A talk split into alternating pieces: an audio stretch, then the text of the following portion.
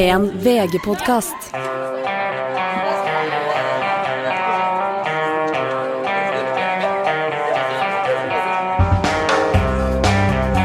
Ikke visste jeg at alle disse dagene som kom og gikk, de var selve valgkampen 2021. Eh, nå er det sluttdato hvert øyeblikk, eh, Hanne. Ja, det er på mandag er det siste frist. Da må folk gå og stemme. Og tradisjonelt, i gamle dager, da, da i hvert fall jeg var ung, så var det sånn at valgkampen var over etter Da var det bare én partilederdebatt. Den var på fredager. Det satt en rekke alvorlige menn med stoppeklokke og passet på at alle bare holdt replikker. og, og sånne ting. Og etter det var det ikke lov å drive valgkamp før eh, stemmelokalene stengte. Er det sånn lenger? Ja, det er jo Siste debatten er jo på fredag, men det er jo valgboder opp, og partilederne reiser jo rundt og driver valgkamp gjennom helgen òg. Ja. Så det er ikke sånn borgerfred Uh... Nei, ikke egentlig. Og vi har sånn tradisjon hjemme hos meg at vi alltid går, jeg og barna går langs Karl Johan langs de valgbodene på lørdagen og ser, for der er det ofte mye action og veldig, veldig hyggelig. Ja. Jeg gikk der i dag, og det er interessant. Det er alle de etablerte partiene, og så blir det mer og mer fringe jo lenger du kommer opp mot Nationaltheatret. Og der er det stadig nye fringe hvert år. Ja. Um, men det, det vi skulle snakke litt grann om aller først her, det er, um, det er uh, favorittvalgløfter uh, i løpet av denne valgkampen. Det er alltid det er en rekke rause valgkampløfter. og, og nå, uh, i går var det vel, eller var det i dag, så kom Senterpartiet kasta inn en trumf. Fem ansatte på hvert eneste lensmannskontor i hele Norge. Det blir dyrt, og det blir byråkratisk. Jeg var på Geilo i sommer og var innom lensmannskontoret der. Der var det en lapp på døra. Åpent hver mandag fra jeg tror det var 9 til 12, men sommerstengt. Ja, Men nå skal det sitte fem stykker der og, og ta imot Hanne Skartveit når hun kommer der på Og alle andre steder i Norge. Så Ja. det er et kjempeløft som kanskje ikke er så smart. Du og jeg har et annet favoritt blant eh, valgløftene, håper jeg? Uh, tenker du på Senterpartiet da, eller? Nei, nå tenkte jeg på SV, faktisk. Ja. Det er flotte SV eh, som Det som kalles for eh, grønn folkebonus. Ikke det? Ja. Jeg husker vi hørte det første gangen, jeg og du, og det og du på, eh, på en sånn debatt her, og vi bare tenker Oi, oi, oi, nå er SV tilbake på 70-tallssporet her. Jeg hørte feil først. Jeg hørte grønn folkevognbuss. Så det var snakk om at alle eh, SV skulle gi få- en grønn folkevognbuss til Du får denne bonusen igjen. ja, ja, Kjører rundt i Norge. men, eh, men det er altså en bonus. Er en Vet du hvor mye det er? Har ikke peiling. Men det er altså hvis, og jeg mener SV ligger jo godt an, så det, vi ligger an til, til folke, grønn folkebonus eh, hele gjengen. Uh, og hva tror du, Hanne? Hva, hva kommer de til å koste, disse valgløftene, å innfri nå? For den, det som ser ut som blir regjeringen? Det er bare Tannhelseløftet skal koste 7 milliarder eh, kroner. Men det er jo en hel haug. Men hvis du legger alt oppå hverandre, så er det jo ganske stor jafs av oljefondet, ja. Ja. Men dette har vi råd til. Nei. Nei? Jeg tror vi kan glemme alle de valgløftene. Jeg har lest det som høres veldig kjedelig ut, som heter Perspektivmeldinga. Og Der står det også at de siste ti årene så har man hatt ca. 30 milliarder i friske penger hvert år. Eller 20 milliarder når du trekker fra litt hvert år i såkalt friske penger du kan bruke på nye, morsomme ting. Eh, De neste ti åra er det 4 milliarder hvert år. Det blir spist opp av eldrebølgen. Det betyr at det er egentlig null. Så det er ikke penger. Så alle disse valgløftene er bare luft, egentlig. Men den perspektivmeldinga den er litt sånn en nekronomikon til Sherlock Holmes, eller hvor det er alle blir sprø når de har lest den. Det er jo ikke eh, Det er jo mer en sånn advarsel mer enn en eh, rettesnor for hvordan du kan eh, drive politikken. Jeg leser den hver når han kommer, og jeg blir ikke sprø, men jeg blir kanskje litt deppa. Nei, ja, vi, vi vet alltid når Hanne har lest eh, perspektivmeldingen. På, vi merker det på, på mandagen. Men den regjeringen som har vært, har brukt mer penger enn noensinne. Ja, den har brukt sjukt mye penger, og én ting er under koronaen og under oljekrisa hvor det er nødvendig, men de har jo lagt seg på et veldig veldig høyt nivå og brukt mye mye mer enn det Stoltenberg-regjeringen gjorde i sine åtte år. Eh, Og alle er enige om at nå må det strammes inn. Det blir jo da eventuelt en ny regjeringsjobb. Men med det flertallet vi kanskje får der, og, og hvor fragmentert Stortinget blir, så kan det også bli vanskelig å stramme inn. Så jeg frykter egentlig litt for barn og barnebarn og fremtidige generasjoner. Har det vært noe valgløfte å stramme inn? Er det noen som går til valg på at nå skal vi få kontroll over dette, og nå skal vi få ned den offentlige pengebruken? Nei, ikke konkret. Noen snakker om en ansvarlig politikk. Veldig få snakker faktisk om det også i valgkampen. Men det er ingen, jeg har ikke sett noen konkrete løfter om å kutte, eller om at her må vi passe på at vi ikke bruker for mye. Hans Petter, Tidligere så var det jo, hadde du Arbeiderpartiet og Høyre, to ansvarlige partier. Pass på at man ikke brukte for mye penger. Og så var det særinteressepartiene, eller utgiftspartiene som Kåre Willoch kalte dem, som, eh, som eh, maste, men som, som, fikk litt. Men, ikke, men man, man, klarte å holde dette under kontroll. Eh, nå er søylene vakler under eh, vekten av eh, sin egen, altså, sin egen korrodering, og, og, en rekke av disse utgiftspartiene er nå blitt ganske store partier. Er det sunt for demokratiet? Kanskje det er sunt for stabiliteten. Jeg, tenker, jeg, har, et sånn, litt sånn intrikat argument på det. fordi det viser, altså, Man tror gjerne at et, et, system er mer stabilt når det er få partier. Norge var det jo tidligere to partier på venstresiden. Så var det tre i sentrum, og så var det ett på høyresida og så ett litt på utsida der. Og det var veldig stabilt, og de utbalanserte hverandre. og sånt. Men, men, det som jeg, vi ser internasjonalt nå, er jo i samfunn der, har, der du har topartisystem, så er det jo kaos. Fordi eh, det topartisystemet er så eh, sårbar for eh, at noen kommer inn og rett og slett bare tar over partiet. Det har det i, i Trump har jo tatt over det republikanske partiet i USA. I England, UK, så jo, var jo først et kupp på en måte i Labour med, med Jeremy Corbyn. og så i det samme i det, i, i det uh, høyrepartiet, Torjepartiet, som, som, fikk til brexit ved at en liten ving av det flere partiet fikk makta plutselig. I Norge så stabiliserer partiene seg utover, sånn at du, du får et sånt uh, Uansett hvor mye sånn fragmentering du får i systemet, så, så, så er det en slags status quo likevel. og det, det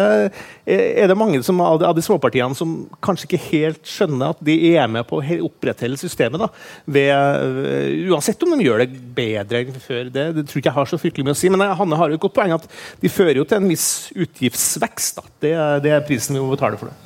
Jeg er egentlig både enig og uenig med Hans Petter. fordi at eh, Jeg har alltid tenkt at sentrumspartiene som ligger i midten, de bidrar til å på en måte holde de to store Arbeiderpartiet høyere. Balansere dem ut så du får brede forlik på skatt, på forsvar, på den type ting. Mens de ytterpartiene vi har nå, det er noe helt annet. Men, og, og, jeg tror at vi trenger i hvert fall at de to store på hver sin side er større og kraftigere enn det er i dag. For at du må ha en tyngde på begge sider, og så kan de småpartiene være enda litt mindre. Det er jeg enig i, men, men for Arbeiderpartiets del så er det mye bedre at uh, de litt skal vi si, de ekstreme eller de ytterliggående eh, holder på å rote rundt i sine egne partier istedenfor å gå inn i Arbeiderpartiet og ta over Arbeiderpartiet, som vi har sett da, for i, i Labour og som vi også har sett nå i, i amerikansk politikk. Så, sånn sett så bare fordeles det mellom partiene, og da blir det mindre uro inni de partiene som har som vi kaller styringspartiene, altså som Arbeiderpartiet og Høyre. Absolutt. Hvis du er både på britiske Labour, som hadde trotskister som en kjempefar sånn indre muldvarp mange år, eller som du sier republikanerne med Donald Trump, så er det klart at uh, du har et godt poeng. Men egentlig så vil vi i VG at Høyre og Arbeiderpartiet skal dele landet mellom seg og styre oss med budsjettdisiplin som, uh, som gjør at landet har ordning og reda.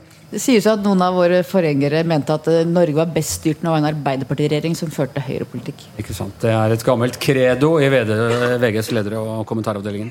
Vi har uh, to spennende gjester i dag. Eh, de har i sin tid representert hver sin av disse to søylene som egentlig bør styre dette landet, ifølge vår avis. Ta godt imot forfatter Anne Holt og leder for tankesmien Civita, Kristin Clemet. Hjertelig velkommen til dere. For de som ikke vet det, altså, øh, eller går ut fra at alle vet at altså Anne Holt var øh, justisminister i sin tid for Arbeiderpartiet, og, og øh, Kristin Clemet har bekledd flere statsrådposter for Høyre. Men det kanskje ikke alle vet, er at dere er personlig veldig gode venner. Ja, det er vi for så vidt. Ja. ja.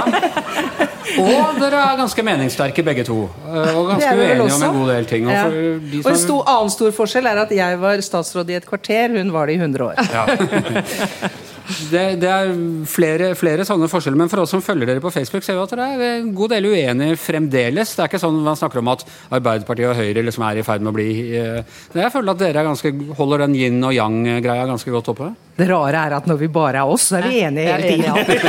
altså, jeg ser på oss som liksom den norske modellen. hvis du skjønner jeg mener at Egentlig er vi ganske enige, ikke sant? og så later vi som vi er litt mer uenige når vi er i det offentlige rom. Og det er ganske sunt også, for å ivareta demokratiet. Men jeg opplever ikke at vi privat er så veldig uenig. Men da blir jeg nysgjerrig. Si. Hvem av dere fire mest da, når dere møtes bare dere to i et mørkt rom? Hun. Ja, det er riktig. Nei, men Det er fordi du snakker mest. ja, det kan godt hende. Eller er det for at Kristin egentlig er sosialdemokrat? Det er hun definitivt ikke. Nei, det er hun definitivt det, altså, jeg tror, eh, altså, Vi ligner kanskje litt på VG.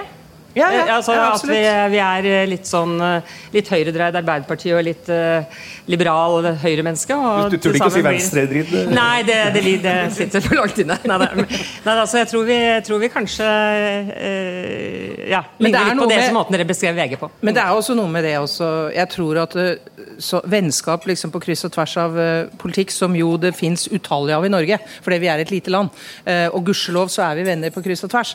Uh, jeg tror at for meg i hvert fall, så er det ganske godt stykke på vei avgjørende at man er enig i de virkelig store spørsmålene.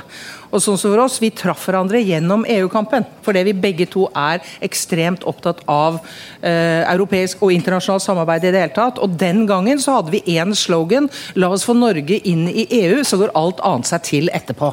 Og Med det politiske utgangspunktet så kommer du egentlig ganske langt. Hva syns du om resultatet på, på det? Nei, Det var trist, altså. Den natta feiret jeg med Pål Atle Skjervengen for øvrig. Vi fant ut at vi skulle, ja, fei, eller sørget. Eh, sørget. Vi gikk eh, gatelangs og fant ut at vi skulle lage et nytt parti. Det var heldigvis den tanken ble borte med alkoholen utpå firetida i morgenkvisten. Men du, For å ta en av de små tingene som jeg bare har registrert denne uka at dere har vært eh, uenige om. eh, for en uke siden så, så hadde Dagens Næringsliv en jeg vet ikke om jeg skal kalle det avsløring. De hadde en reportasje fra en WhatsApp-gruppe bestående av noen av Norges eh, rikeste mennesker. Samt noen journalister og, og, litt sånn forskjellig. Eh, det er ulike meninger om den eh, i det hele tatt avslørte noe, men det er den annet Jonas Gahr Støre og Hadia Tajik oppfatta det som at dette avkledde liksom det, den onde høyresiden. eh, de som prøver å, å styre altså det, det gamle og, og ville ha innflytelse uten noe ansvar og sånn. Andre igjen mener at den bare var et ja, jøss, de krangler på Eller de diskuterer politikk eh, på høyresiden også. Eh, Kristin Clemet først. Jeg har inntrykk av at du ikke syns det var den helt store avsløringen? Nei, altså jeg synes, altså Hadde jeg vært journalist, så hadde jeg også skrevet om dette. eh, og Ja, du det var- synes det var verdt å trykke? Ja, det, og jeg syns jo også at det var flere ting der som jeg syns var veldig usmakelig. Eh, Men samtidig så syns jeg kanskje noen gjorde saken større enn den egentlig er. Den fikk jo, Jeg vet ikke hvor mange sider den fikk i ideen, men det var jo fem, ja, var mange sider. Og så la jeg jo merke til at de som gjerne ville gjøre saken stor, de var jo litt sånn cherrypicking om hva de trakk frem. Det at det også er et slags sånn eh, i den gruppen eh, folk som sterkt misliker Erna, ikke sant. De skal stemme Senterpartiet, de hater Civita. Altså, eh, sånn at eh, den ble jo brukt og misbrukt, da, kan du si. Eh, så, så jeg har nok en litt sånn eh, hadde jeg håpet at du skulle være 'herregud, dette var da ingenting', men Nei, jeg vil ikke si at det er ingenting, for jeg kan fortelle at det er han eh, som heter Eilertsen, Kjell Erik Eilertsen, som har vært eh, journalist i Finansavisen, som nå visstnok ikke er journalist lenger. Det var jo han som skrev dette her med at eh, er det noen som har noe på Espen Barth Eide? Og det minnet meg jo om at han skrev den historien om Støre og brygga hans i 2017, som jeg syns var en eh, veldig lite tiltalende sak, hvis jeg kan si det sånn. Så jeg skrev den gangen en artikkel og forsvarte Støre. Eh, og, eh, så, og, og, så han eh, Jeg får ikke noen sånne assosiasjoner til veldig etisk journalistisk arbeid. da så hvordan han jobbet og hvordan han, han Nå må det sies at han fikk jo ikke noe svar på den der Er det noen som har noe Nei, nettopp, nettopp, og det er kanskje da på den andre siden. ikke sant? At det blir fremstilt at det er oppsiktsvekkende. Og det er oppsiktsvekkende at han prøver å fiske etter den typen ufordelaktig informasjon om andre. Men det som ikke kom like tydelig frem, var at ingen brød seg. ikke sant? Så det er jo den andre siden av saken. Ja. Eh, Anne, du oppfattet en ja, Nå skal jeg si du oppfattet på en helt annen måte, men det Nei, gjorde du kanskje det, egentlig ikke. altså jeg, jeg Men du reagerte vil på saken? Ja, jeg reagerte. Vet du hva? Først og fremst så reagerte jeg på den fatshamingen av Erna. Jeg, jeg følte meg virkelig delvis litt sånn personlig krenket, for jeg syns fatshaming er noe forferdelig. Og så er det noe Uansett hva du måtte mene om Høyre, om regjeringen og om hvordan de har jobbet de siste halvannet året. Den dama må være laget av et helt annet materiale enn alle oss andre. Hun har pinadø stått på som et fjell gjennom hele denne greia her. Ikke har hun blitt sjuk heller! Det er jo helt utrolig, egentlig. Eh, og så skal liksom han derre finansfyren der, som tidligere har sagt at den som har fått mest penger, den som har mest penger når man dør, har vunnet, han skal drive og skjelle ut henne fordi hun er feit! Vet du? Du hva? Jeg følte meg personlig krenka både på egne og hennes vegne. Men han har jo skjelt henne ut mange ganger av de offentlige rom også. Ja, men du kan skjell henne, skjell henne ut for noe hun står for, da! Ikke skjell henne ut for hvordan hun ser ut! Det syns jeg var dumt. Det andre som er mitt poeng i dette, det er at hver gang Kristin For å si det sånn at hvis de der meldingene mellom Kristin og meg hadde blitt offentliggjort, så hadde det blitt skikkelig haraball.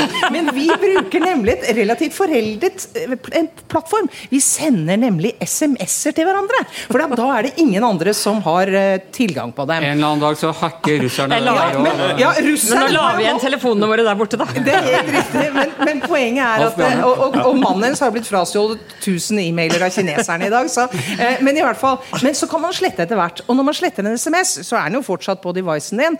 Men at disse menneskene er altså så ubegavet at de tror at, de, at det fins noe som heter hemmelige samtaler eller lukkede grupper. Når man først begir seg inn på et eller annet av disse appene. Det får meg til å uttrykke det jeg også har uttrykket i én av de to offentlige meldingene jeg har skrevet om dette. Er det mulig å være så ubegava og likevel så søkkrik? Men jeg må også si at mange sier at dette er et uttrykk for liksom hvordan makta ter seg. Jeg så på hele dette her nærmest som et tegn på avmakt. Altså Det er ikke noe sted å kanalisere makten sin. Eller, eller, liksom De opptrer ikke på hva skal jeg si, for noen åpne arenaer eller legitime arenaer, men holder på innenfor en sånn gruppe og liksom driver med politikk der. Og det fører jo ikke til noen ting. Men eh, deler av dem har jo vært med på å finansiere bl.a. av nettavisen Resett, så de har jo, der er ikke den tonen helt uh, uvanlig. Ja, det, det kan du si. Men, eh, men eh, jeg, jeg, for meg fremstår ikke dette som en gruppe med veldig mye makt. Jeg er enig i det at hvis du er, har veldig mye penger og er veldig rik, så er det også en form for makt. Eh, selvfølgelig. Men jeg følte ikke at denne her gruppen eh, Jeg følte heller ikke at disse styrte Norge i skjul. Nei, altså, Men de lekte jo med tanken på å skape en ny sånn Fox Channel i Ja. Norge. Det er klart at Da hadde vi snakka om noe annet. Men tror du de hadde greid det? Det har jeg veldig vanskelig for å se Jeg tror også at det er litt lettere å tro at man kan få til. Du har vel dokument-TV? for så vidt? det, og- Du har dokument-TV. og går, men om, eller på Jeg tror ikke det er noe marked for noe Fox News i Norge, men det er klart at det, bare det at de tenker på dette Det eneste jeg trøster meg med alt, alt det der, der når, det, når det gjelder alt det der det er med, det er at eh, Senterpartiet plutselig har blitt stjerna deres. Og det går jo nødvendigvis utover Senterpartiet, og det er bra. Men, men dette feiler litt over på det Hans Petter snakket om med, fragmenteringen. ikke sant? Altså at du, du hadde i sin tid på, på høyresiden en kampanje mot Gro Harlem Brundtland med 'Vekk med' og sånne ting. kvitt deg, heter det. Bli kvitt deg, var det. Sånne Eh, bak i bilene. Og, og for ikke å snakke om du har hatt, uh, hatt ting på ytre venstre som, som ikke har vært helt bra, men nå eh, det har blitt et større sånn element av kulturkrig i, i eh, deler av debatten. Hva, hva tenker dere eh, om den problemstillingen med altså, to sterke partier som liksom uh, uh, trekker grunnvannet ut under uh, de mindre plantene? Jeg, synes det er både, Hvis jeg går noen tiår tilbake, så trodde jeg kanskje at vi skulle gå i retning av et nesten et topartisystem av oss selv. At småpartiene skulle bli uinteressante. Og jeg tenkte vel da at det var ganske fornuftig, for da ble det litt orden i sysakene, liksom. Eh, for det første tok jeg helt feil, fordi vi fikk flere partier. Og det har skjedd i hele Europa, at vi har fått innvandringskritiske partier og grønne partier. Men det andre er at jeg tok feil også på den måten at jeg syns ikke det ville vært bedre. For jeg syns det virker som det er mer polarisering, det dere snakket om i sted, i land hvor de har topartisystemer. Og det at det kan komme små partier opp, det er på en måte en ventil da, for å få ut ulike typer av meninger og verdier og interesser. Men det er klart, når det blir et veldig fragmentert bilde, så har vi jo sett, selv i våre nærmeste naboland Sverige brukte vel fire måneder på å danne regjering etter eh, forrige valg. ikke sant? Det er, det er, det er ganske komplisert hvis ikke det etablerer seg et flertall av de gamle rød-grønne partiene på den andre siden, og de får flertall totalt sett, så er det en veldig veldig vanskelig situasjon. Eh, og det mm, det er jo ikke så heldig. og det krever, og Jeg tror også det krever mye større lederegenskaper av våre politiske ledere enn vi har vært vant til å tenke på. Altså At det har gått mer av seg selv da, eh, når disse koalisjonene har gitt seg selv, eller man bare har hatt ett parti. Men når man skal forhandle med flere så ulike partier, som man kan gjøre på begge sider i og for seg, men ekstra mange nå på, på venstresiden, så krever det ekstrem, ekstreme lederegenskaper av den som skal lede det arbeidet. Og Hvis det er noen gang man har trengt virkelig styringsdyktighet, så er det nå hvis du ser på noe vi ikke har snakket noe særlig om i valgkampen, nemlig internasjonal politikk, hvor du har Kina og USA, hvor du har et stadig mer aggressivt Russland, du har verden etter koronaen. ikke sant? Det er, hvis det er en gang man har trengt ikke bare hjemlig styring, men noen som kan manøvrere Norge i en verden hvor Nato er på en måte mindre, altså USA skjer det mye som uroer meg veldig. Hvis det er noen gang vi har trengt, trengt noe, et solid lederskap som faktisk har styringsdyktighet med en, et tungt parti på den siden som skal styre, og det, så er det nå. Og, og det du snakket om med det med perspektivmeldingen, altså jeg tror det er med såpass høy grad av fragmentering, så tror jeg risikoen er ganske stor for at det går sånn som Bård Bjerkholt til DN egentlig spådde, at eh, de til slutt angriper hovedstolen altså på, i oljefondet, og egentlig bruker det opp før det virkelig skjer noe. Jeg tror det er risiko for det. Eh, Da, bare- ja, ingen av oss kommer til å lide under det, men eh, det kommer jo noen etter oss da, som kommer til å merke det. Og jeg Men, ja, men husk på, på debatten i går på, på TV 2 så sa jo Jonas Gahr Støre fikk Erna pressa han veldig på det at nå blir det kaos hvis MDG og Rødt får noen slags innflytelse. En liten, men litt innflytelse hvis de havner på vippen. Det samme sa jo alle sammen da Frp kom i regjering med Høyre, og da går det til helvete. For Frp har ikke mulig. Men det har jo på en måte gått, eh, bortsett fra de åtte justisministrene, så har det gått relativt greit. Ja. Eh, vil, vil det, tro, tror du ikke at systemet måtte fange opp det her også nå? Da, altså, da, da blir det en vurdering av liksom, er avstandene større der enn de var på den andre siden. Det kan man vurdere, men nå er det jo også det lille snagget her at Senterpartiet, som høyst sannsynlig skal være med i en regjering, sier jo at vi vil ikke ha noen samarbeidsavtale med noen. Ikke sant? Det, det har tross alt vært en form for en avtale på borgerlig side. Og eh, hvis, det ikke skal, hvis det skal være en mindretallsregjering uten en samarbeidsavtale, så gir jo det muligheten for de som står utenfor regjering, både til høyre og venstre, å få innflytelse, men at det blir veldig krevende. Og at det kan koste mye penger, det må vi være klar over. Og der er jo på en måte det helt negative, eh, det virkelig negative med den fragmenteringen på hver side, det er at hvordan altså, Selv om jeg mener virkelig at Støre virkelig er på vei oppover, og virkelig har gjort en veldig god innsats i går, syns jeg han var riktig, riktig god. Ternekast Terningkast tre i TV 2. Hva? Terningkast tre i TV 2. Ja, Det syns jeg er helt håpløst. Jeg syns han blir bedre og bedre. Men altså, vi har hatt en statsminister tidligere som bar staur. Og, det, og her må du bære staur fram til du kommer til enighet om, enighet om et slags regjeringsgrunnlag. Så det er klart at det blir veldig mye vanskeligere enn med disse to partiene i midten, som på en måte vi alle egentlig ser at har vært en fordel. Det jeg syns er det positive med disse småpartiene, det er at det det er mulig det er bare jeg som har det inntrykket. Det er mulig at dette er svogerforskning, men jeg syns vel at jeg anammer et sterkere politisk engasjement. Og et engasjement i valgkampen denne gangen. Vi kom gående her. Jeg bor 200 meter borti gata, vi kom gående hit, og det er altså kø. Det er, det er, det er liksom kø rundt Deichman hvor du har en sånn stemmebod utenfor. som gikk altså den, den var liksom flere hundre meter lang av unge mennesker som står og skal stemme liksom en De skal ikke koronateste seg? Nei, det, jeg, det må man jo alltid tenke, men jeg har forhåndsstemt selv, så jeg vet at det var der de var på vei. For jeg har forhåndsstemt i det samme lokalet. Og, og det er klart at eh, det, det at vi, Mange av oss fryktet jo at, klima ikke, at dette ikke skulle bli et klimavalg, eller en klimavalgkamp, men det ble det.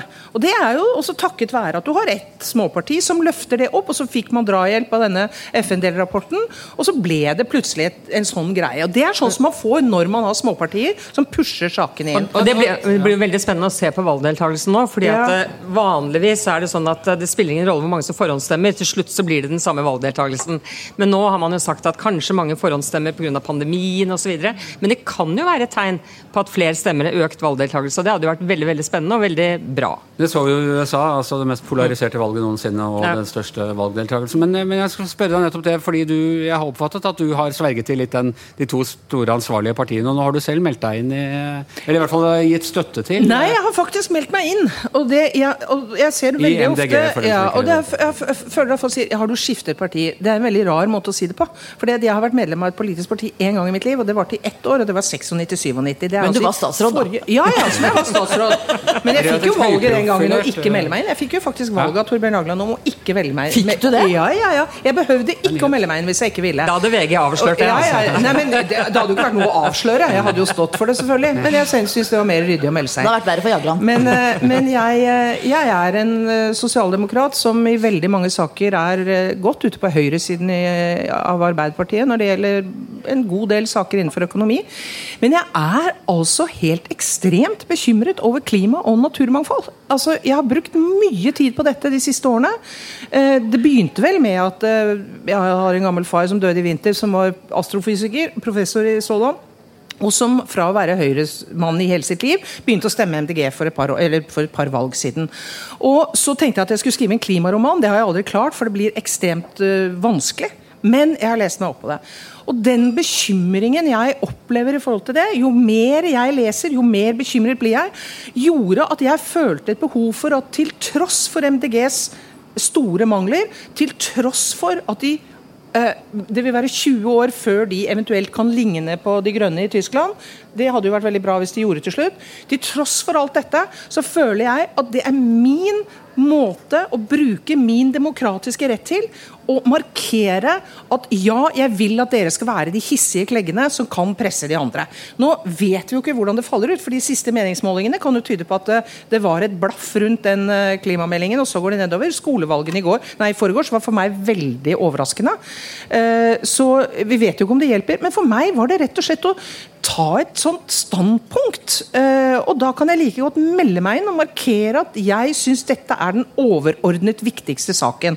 Og da ble det MDG, og er, i tillegg til det så er de tilhengere av Nato, tilhengere av EU, vet at vi må ha stort internasjonalt samarbeid for å få dette til. Jeg er vel ikke direkte tilhengere av EU, de er litt vage på det, selv om jeg tror de egentlig vener inni seg. Ja, de mener det. Men, men det var en, en, liten sånn trøst til deg, Anne, for det var mange som trodde når de så det skolevalgresultatet som var veldig overraskende for mange.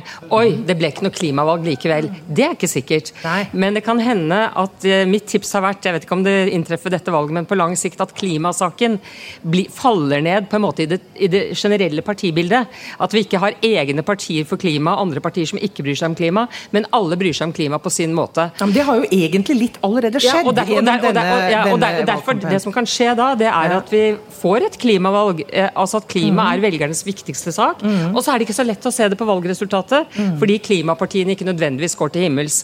Eh, det så vi i Danmark i det siste valget. Da var klima velgernes viktigste sak, og det var ikke mulig å se det på valgresultatet. Selv Senterpartiet har jo flytta den der dieselbilen de parkerte ja, og, var, på. og Jeg så noen på Facebook i dag som sa at nå har alle partier en klimapolitikk, bortsett fra Fremskrittspartiet. Men da jeg hørte FPU på Politisk kvarter i morges, så hører jeg jo en ung Fremskrittspartimann som argumenterer med sin klimapolitikk, da. Eh, som er annerledes enn de andres, eh, andre partiene, men hvor det er eh, tydeligvis mange i hvert fall på Vestlandet som tror på den. Det, det tror jeg du har helt rett i. Og, jeg, og det, er, det, er, bra, men det er, jeg tror MDG har noe av æren for det. Ved at de har vært så hissige ja, på dette, men, så har de fått æren fordi at alle skjønte på et eller annet tidspunkt, etter at Høyre snubla inn i valgkampen med noe sånn formuesskattøv, unnskyld uttrykket, så, så, ble liksom Jeg tenkte, skal de begynne med formuesskatt igjen? Formuesskatten er viktig, Kristin, det er vi enige om, og den bør forandres, det er vi også enige om. Men akkurat nå var det liksom klima som var viktig, og jeg tror at MDGs voldsomme engasjement og voldsomme løft og medvind som de fikk av den klimameldingen, eller unnskyld, den, den meldingen fra, eller rapporten fra panelet, den tror jeg tvang de andre til å ta tak i det. Men, det, men, men dette tror jeg er helt riktig. Jeg tror både de grønne partiene og innvandringskritiske partier i Europa har påvirket de andre partiene til å ta nye problemstillinger inn over seg. Og så, hvis de greier også å forandre seg selv, sånn som det er greid i Tyskland, så kan det bli et stort, der er blitt et, Det grønne partiet blitt et stort, nærmest borgerlig-liberalt parti. Men hvis ikke de greier det, så kan de dø med saken når de andre partiene har tatt den opp i seg. For da er det ikke bruk for dem på samme måte. Så du har helt rett i det. Ja, det at de grønne partiene og, ja, og de som kommer med nye saker. Men jeg tror, at, jeg tror du har rett, Kristin. Jeg tror at, det, at veldig mange av ungdommene føler at de aller fleste partiene tar ansvar for klima, og derfor kan de velge også ut fra andre ting. Og jeg tror ikke ungdom er så enkle at de bare tenker én sak. De ser at det er på ulike vis taken care of, og så velger de også ut fra hva de tenker om andre temaer. Og jeg tror f.eks. bolig, arbeid er ting som voksenpolitikerne snakker for lite om, men som ungdom faktisk er veldig opptatt av, for at det berører livet deres direkte. Men så har dette vært en valgkamp, med, jeg må si eh, jeg er vanligvis mer opptatt av amerikansk valgkamp, og, og, da er norsk valgkamp av og til litt grann kjedelig, må jeg innrømme. Men denne valgkampen har vært veldig spennende, og den har liksom hatt sånne Det er som han derre Ira Levin, vet du han skulle ha skrevet, hvor han hele tiden overrasker deg med, med sånne plottutviklinger, uh, og du, du, fikk den klimagreia som uh, uh, forandra helt, og så, fikk du, så har du uh, oljeskatten som ble liksom spilt ut på én måte, og som slo ned på en annen måte. og Jeg vet ikke om noen helt har skjønt hva den går ut på, men, eh, men det er i hvert fall skifta liksom helt side på det. Og så hadde du nå i forrige uke en sånn klassisk um, September Surprise, får vi kalle det. eh, med, med Kjeng Ingolf Ropstad og denne hybelen. I dag Eller hybelen, altså Gutterommet. Gutterommet, ja. Gutterommet hans. Eh, alle, Har aldri flytta på hybel. Det burde vært hybel. Det hadde vært mye lettere for han. alle har fått med seg den saken. Jeg trenger ikke redegjøre for den. Nei. Eh, fint. eh, men eh, den alle hisset seg voldsomt opp eh, en stund. I dag hadde vi, melding, nei, hadde vi måling i VG som viste at Kristelig Folkeparti har gått fram 1 og er nå større enn Men- MDG. Men sånn er det. altså Det er eh, skandaler, som man kaller det. Enten det er skandaler eller skandaler, for det må jo sies å være begge deler av og til.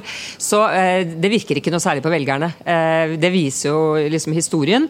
At de som eh, ikke liker KrF fra før, syns det er en svær skandale. Og KrF-folk syns ikke det er en så stor skandale. Vil kanskje til og med slå ring om Kjell Ingolf Ropstad. Så sånne skandaler, de, hvis de virker, så virker de på veldig kort sikt. Stort sett har det liten påvirkning på velgerne. Og det syns jeg jo det er noe dette er sunt Ropstads altså. 'grab him by the pussy moment'? Dette er på en måte...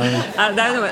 Så, nei, så, men, men, grunnen til at det kunne liksom virke, det var for at på kort sikt kan en skandale liksom påvirke, men det, det er det helt klare erfaringen at eh, skandaler i liten grad påvirker velgernes eh, stemmegivning, da, eller sympatier og antipati for partier. Påvirker den, ja. Den, de, den det påvirker, er jo Ropstad selv. At, han, at det går så mye tid og krefter på det.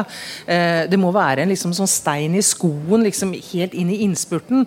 Jeg er jo veldig glad for at vi har en levende presse som avslører når politikere både gjør noe dumt og noe ulovlig. Det er jo ingenting foreløpig som tyder på at han har gjort noe ulovlig. Eh, og, men, men det er noe med at jeg blir så lei av at alle disse sakene dukker opp tre uker før et valg. Altså, det, altså VG kan si så mye de vil, og, alle, og TV 2 kan si så mye de vil, og Aftenposten, som jo hadde vel denne saken, kan si så mye de, de vil at de, ja, men det var, ingen, vi det var ingen drittpakke. Det er klart at det er ikke tilfeldig tidspunkt. Og, det, derfor så blir, og når det kommer inn i det hele, så blir jeg litt sånn gjesp. Altså, jeg synes ikke, Og så popper de opp Alle partier har jo folk som har gjort dette. Men jeg må si til Det det Aftenpostens forsvar at dette, dette har jo de jobba med i flere år. denne typen... ja, ja, altså Den type ting har de gjort. Ja. Men de, han sa jo, journalisten selv på, på TV her forleden dag, at ja, de hadde, denne saken har de jobbet med i noen uker. Og det er klart at Da er det vanskelig ikke å se dette opp mot at det er et valg. Men tror Eh, du at Aftenposten har tenkt nå må vi finne noe på Kristelig Folkeparti? Nei, overhodet ikke. Jeg, jeg tror Aftenposten har fått inn eh, en, en tips. Han sa jo at de hadde blitt tipset. Det innrømmet han. Og det er jo bra at journalister blir tipset. Men han hadde fått et tips, eller de hadde fått et tips, og så har de jobbet med det. Så Aftenposten har ikke gjort noe galt. Jeg bare sier at det er, det er noe med at jeg syns sånne skandaler blir litt sånn tatt brodden av. Eller det er jo egentlig ikke en skandale. En fyr har gjort noe innmari dumt. Punktum Men, finale. men, men en, vi, vi amatører som ikke er i pressen, vi hørte på konkurrerende avis podkast i dag går om dette her, og eh, det var det Aftenposten, og de snakket jo om, om denne saken. og Da ble det også sagt noe som jeg tenkte må tenke over. fordi det er vi som er utenfor som kaller det drittpakke. Og vi tenker da kanskje lett på at det er en politisk motstander av Ropstad som har ringt og tipset eh, Aftenposten. Og det mm, Sara Sørheim og Trine Eilertsen sa der, var jo at eh, de har nesten ikke opplevd sånne drittpakker i sitt journalistiske liv. Det er ikke sånn slike saker kommer frem.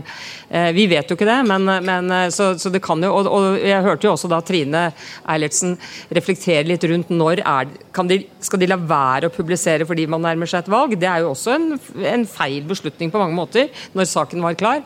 Men hun fortalte da, så jeg vet ikke om dere holder det til det, at hadde det vært på selve valgdagen, så hadde de ikke gjort det. For den eh, skal liksom være beskyttet for den typen saker, sa hun da. At det var en tradisjon for det i Norge. Nå er vi så heldige at vi har en redaktør fra Akersgata i vår midte. Så Ja, Det tror jeg at jeg kan stille meg bak. Men det er også helt rett at det er ikke sånn at for det er det ikke sånn at det kommer veldig mange drittpakker. Veldig mye godt journalistisk arbeid kommer pga. godt journalistisk arbeid. Og det er jo New York Times-slogan 'Print the news and damn the consequences'. Det er jo det vi lever etter. Vi tar veldig lite hensyn noen vei i det vi trykker av eh, både avsløringer og reportasjer og kommentarer. Men det er klart det har vært store skandaler i Norge som har fått store konsekvenser, og hvor det viste seg etterpå at det ikke var noe særlig innhold. En av de verste sakene, syns jeg, er det er ikke mange her som husker det, men vi kanskje, Torstein Moland. Eh, som eh, ble utsatt for voldsom eh, sånn, for påstander om en form for skattesnytteri, da, eller bevisst skattesnytteri. Og så Han trakk seg som sentralbanksjef. Og så Han tiltrådte vel aldri? Var det ikke jo, sånn? eller gjorde han Nei, kanskje ikke. Nei, men i hvert fall han trakk seg. Han skulle i hvert fall blitt det. Og så går det en tid, og så blir saken undersøkt til bunns, og så var det ingenting der. Men det jeg også tror, for det første så mener jeg at journalistikken blir bedre og bedre år for år. Og så er vi blitt mye mer bevisst på dimensjonering. Vi har blitt mye mer bevisst på ja, I gamle dager da jeg begynte for 30 år siden, så var det sånn at du måtte holde en sak levende ved å liksom finne nye vinkler. Mens nå er vi veldig opptatt av at du skal bare skrive når det er en ny utvikling. Nettopp for at vi skal ikke ha et massivt kjør. Det skal være saklig og substansielt. Og der mener jeg at det er en, har vært en veldig bevisstgjøring. Så at vi blir, som alt annet i verden, blir litt bedre for hver dag. Men jeg tror ikke den ene prosenten på den ene meningsmålingen hadde så mye med denne saken å gjøre i det hele tatt. Jeg Nei tror da, ikke den har er- hatt noe særlig betydning. Jeg, for å være helt ærlig. ja, men det var nettopp det som, som på en måte var litt uh, Og, og, og, spesielt. Brodden, og Brodden går jo helt ut av den når det viser seg at det, det er jo folk fra alle partier som har gjort dette her. Eh, nå nevnte jeg tror det var Anders Romarheim, eh, som jobber for eh, Institutt for, forsvarsstudier. Ja. Friend hadde, of pod. Friend of the pod. Ja, en venn av vår, vår podkast. Men han hadde en interessant uh, på, i dag, hvor han uh, påpekte at uh, nå har det vært datainnbrudd, f.eks. på Stortinget.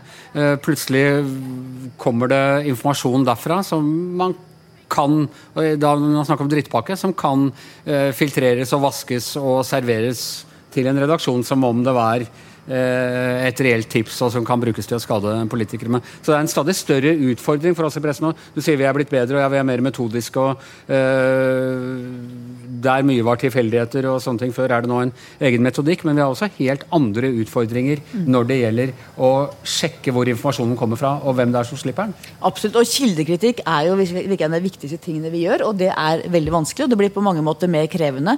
Og Det betyr jo bare at vi må være enda mer aktsomme. Vi prøver jo alltid å finne ut hva er kildenes motivasjon. Og det kan godt være en veldig skitten motivasjon og fortsatt en god sak.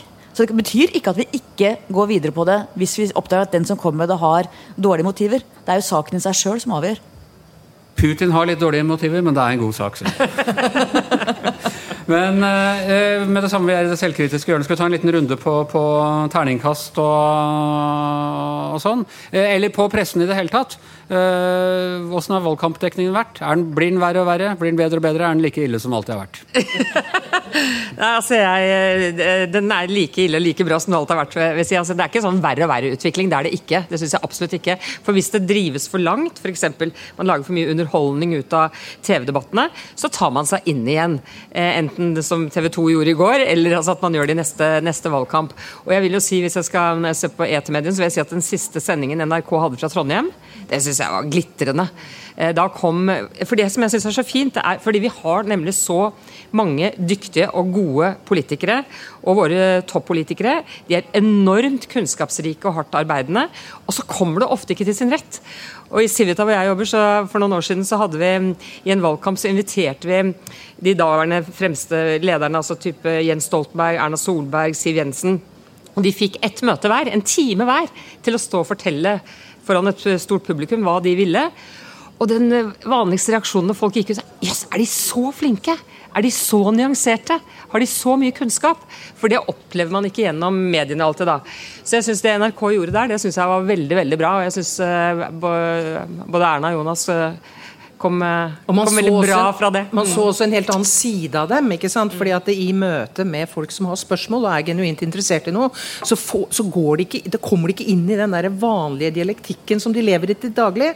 Uh, og det syns jeg kledde alle politikerne veldig godt. altså. Og så syns jeg de var veldig flinke og traff veldig godt de som var plukket ut til å spørre. Det var veldig, det likte jeg godt. Jeg syns valgkampdekningen har vært fin. Jeg. Altså, jeg, det er mye av den, og det liker jeg. For jeg syns valg er spennende. Uh, jeg syns det har vært noen helt skandaløse sendinger på TV særlig, men eh, den syns jeg var god. Den i går syns jeg var god. Eh, jeg har ikke noe å klage på. Jeg tror vi heller skal være veldig takknemlige over at vi faktisk har valgkampdekning.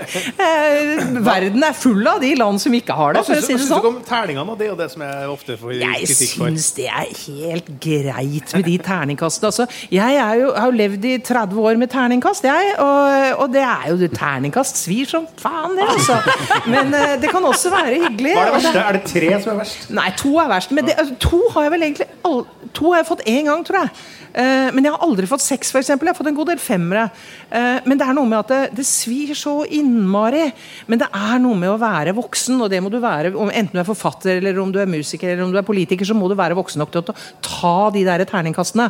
Eh, terningkast er jo bare innført som en slags sånn der, litt sånn sprite opp det hele, og gjøre litt mer gøy ut av det. Jeg syns ikke det gjør noe. Det eneste jeg er veldig motstander av, er igjen en kjepphest. Å bruke terningkast på folks klær. Da ser jeg rødt. Men å bruke det på politikken deres, fremtreden deres på TV-programmer, bøker de har skrevet, det er helt greit for meg. altså. Hvilke terningkast gir du terningkastene? Nei, altså jeg, altså jeg synes jo Det er jo så slående at dette bare er synsing. altså Man sier jo at man har noen kriterier osv., men når man ser hvor forskjellige Å, de det er en terningkastene metodikk der ja, som, ja, men det, er ikke- Nei, nei, nei. Nei, men der, der, der er jeg litt uenig med deg, for du vet jo hvem det er som setter terningene. Så Jo, du vet men- jo hva slags jo, men det, grunnholdning det, de har. det, det, det vanlige å si er at liksom, vi er profesjonelle journalister. Vi Ja, er profesjonelle til å bedømme politikk, og det vi bedømmer ut fra, er hvor gode de er i forhold til det, den, den velgergruppen de skal nå. ikke sant? Mhm. Sånn at uh, Hanne skal ikke sitte og kikke på hvor mye Listhaug eh, taler til henne, eller sånn, men hun skal tenke om hvordan Ja, Listhaug men Det gjør du jo bestandig, men vi Ja. vet jo samtidig at hun Ja, ja, men- kommer til å kaste noen andre Ja, men hvis, hun så, hvis de er så profesjonelle, så er det jo merkelig at de, kaster så forskjellige terninger. Men har mener- noen gang sett hva slags anmeldelse vi som skriver bøker får? Eh, altså, Det kan gå fra én til seks Ja, ja, ja. for samme boka. Ja, ja. Og de er jo, det er jo ikke det at de ikke er profesjonelle, de som anmelder. Tvert imot, de er overprofesjonelle etter min mening. De burde hatt vanlige lesere, så kanskje vi hadde fått en litt større jevnhet over det. Altså, Poenget er at du har jo aldri helt objektiv. Du har alltid et ståsted. Og jeg syns journalistene er ganske flinke, ikke minst VG er flinke til det. Å si liksom hva er det vi legger vekt på? Vi prøver å se på altså Sylvi Listhaug får jo ofte gode ting å å liksom omtale. Man ser på dem som det de er. For Men- øvrig, men- Sylvi Listhaug hadde på seg en dritfin kjole i Ja, ja. sier jeg, som mener man eh, ikke behøver ja, å kommentere. men- Terningkast, terningkast. Men eh, hun har ja. Terningkast seks ja, på den er- hun, ja, hun- har vært pent kledd i Ja, mange, ja. mange debatter. Men altså, det jeg skulle, det jeg skulle si, altså, jeg syns de terningkastene har blitt mindre farlige. Altså, de var litt mer sånn, Det var litt mer autoritet forbundet med dem for noen valg siden. Nå er de liksom all, all over the place, og jeg tror ikke det betyr så, så mye. Men det jeg kan si det det betyr litt grann for, sannsynligvis, det er litt sånn stemningen rundt partilederen, ikke sant, og de, de som jobber i teamet der. Og, så, er det, så er det morsommere å få et høyt terningkast enn å få et lavt et. Det ble litt Men, eh, kjedeligere da alle kom etter oss. Det var jo VG som begynte med det. Da var vi enerådende og litt mer eh, Men nå er det sånn, nå, nå, husker du ikke hvem som gir hva og sånt nå, og det, det vrimler. Det nye nå er jo selvfølgelig at så kaster vi terninger og sånne ting, og så må vi ut og begrunne det VGTV i det hele tatt. Og så det, og her er folkets terninger, som måler i det òg, og da er det sånn ha-ha, dere tok feil. Ikke sant? Fordi det er jo folket som selvfølgelig har rett i enhver sånn sammenheng. Så. Men der tror jeg folk kaster ut fra hvem de er enige og uenige med. Der tror jeg det er mindre sånn der-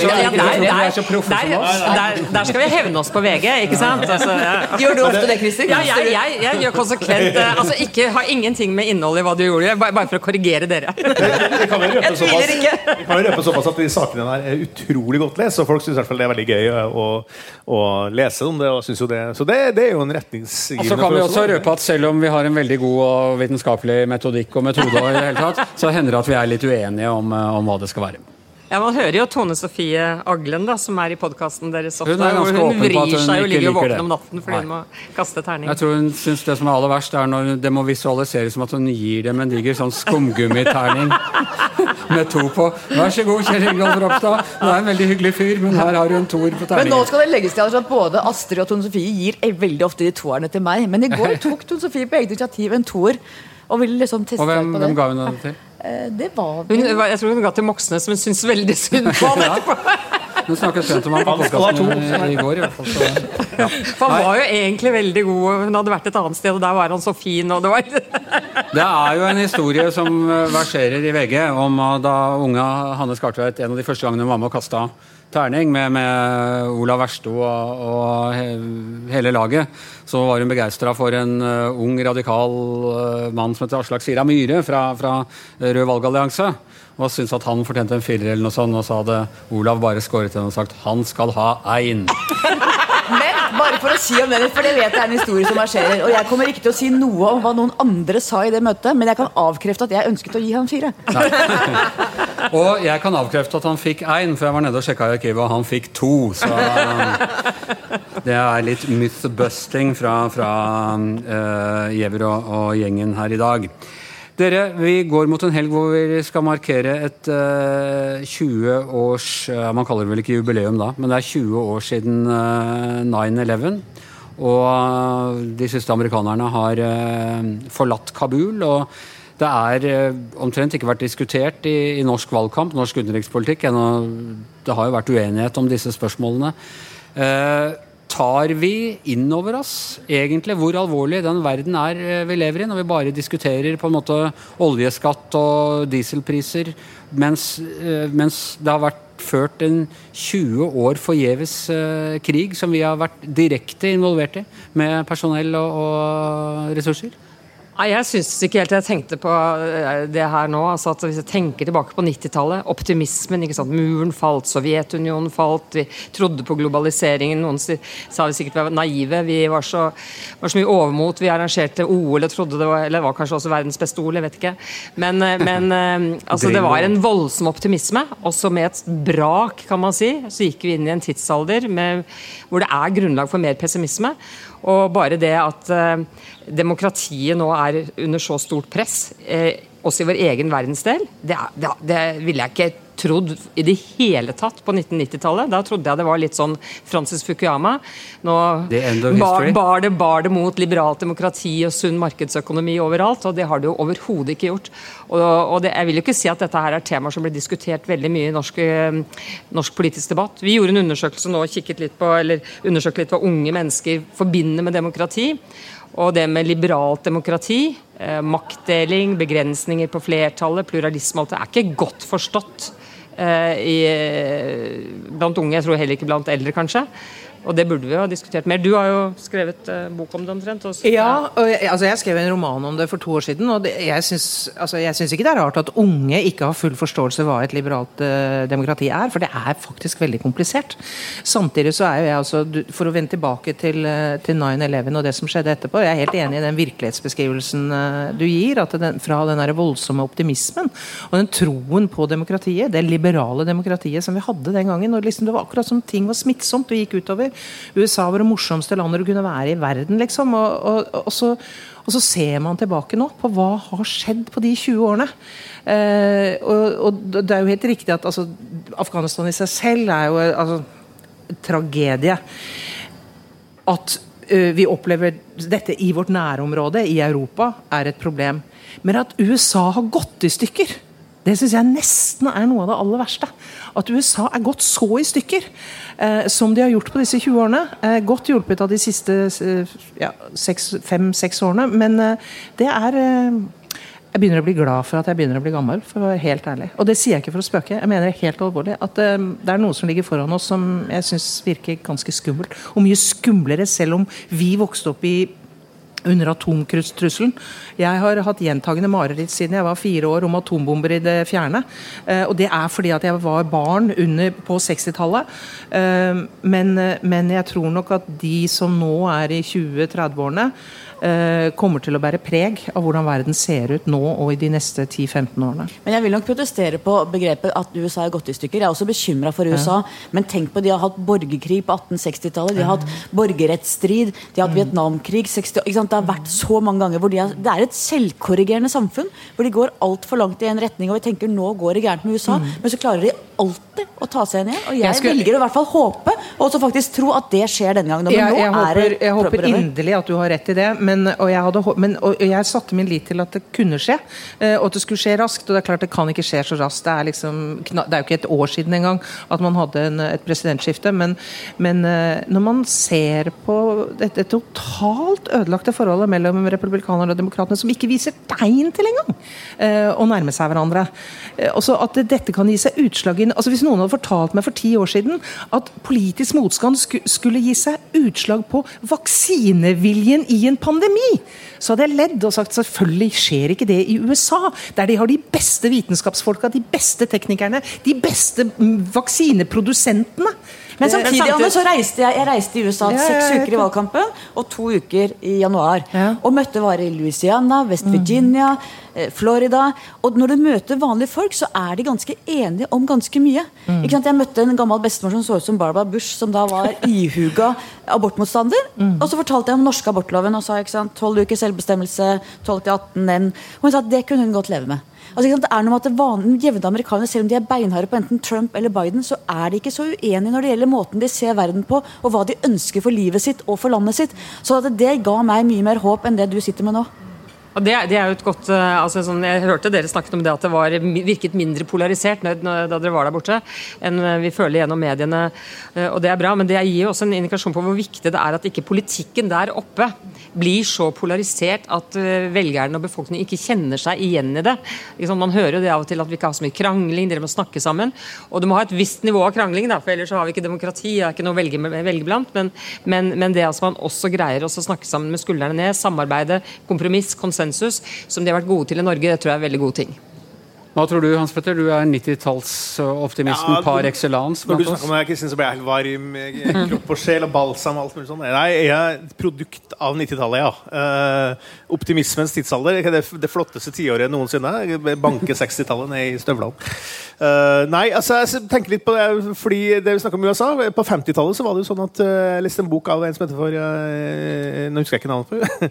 Men i hvert fall som handler om at på 50-tallet så var det så lite polarisering i USA at statsviterne var bekymra. Altså, det var, vi var så enige at alle sammen syntes valg var bare dritkjedelig. Det var ikke noe, det var ikke noe vits å engasjere seg. Så, og da utreda de et sånt mulighet for nå må vi få mer action tilbake i politikken. Så, så, så går det for langt, som Hanne sier, så justerer det seg tilbake. Og vi, vi har jo alle levd en stund. Vi har, jo, vi har jo sett bølger komme og gå, og, og det er vel litt sånn verden er, det, er ikke det? Altså, vi, altså, den kjempesvartmalinga Jeg håper dere har rett. Det er vel aldri i hele mitt liv har jeg virkelig vært mer opptatt av å ta feil. Men jeg opplever altså en mye større pessimisme enn dere. Men eh, dere kan mer enn meg. Jeg håper jeg tar feil. Jeg tror, jeg, tror veldig, jeg tror veldig på at problemer som er erkjent, de greier menneskene å løse.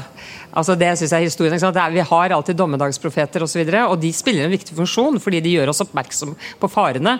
Men, men, eh, men problemet vi har innsett, altså enten det er klima eller til syvende og sist kanskje perspektivmeldingen, det som står der, så greier vi antagelig å løse det til slutt. Og i Norge har vi vært ganske gode til det, da. Men så Og sies det- det jo ja. også unnskyld, bare sies også at eh, optimisten tar, eller pessimisten har som regel rett, men optimisten har det mye hyggeligere underveis. Vi lar Det være de, de, de siste, siste ordene her fra bakgården. Tusen takk til Anne Holt, tusen takk til Kristin Clemet, takk til Hans Petter Sjøli, takk til Hanna Skartveit. Jeg heter Anders Giæver, og mannen som er så optimistisk at han uke etter uke lager denne podkasten, er vår produsent Magne Antonsen.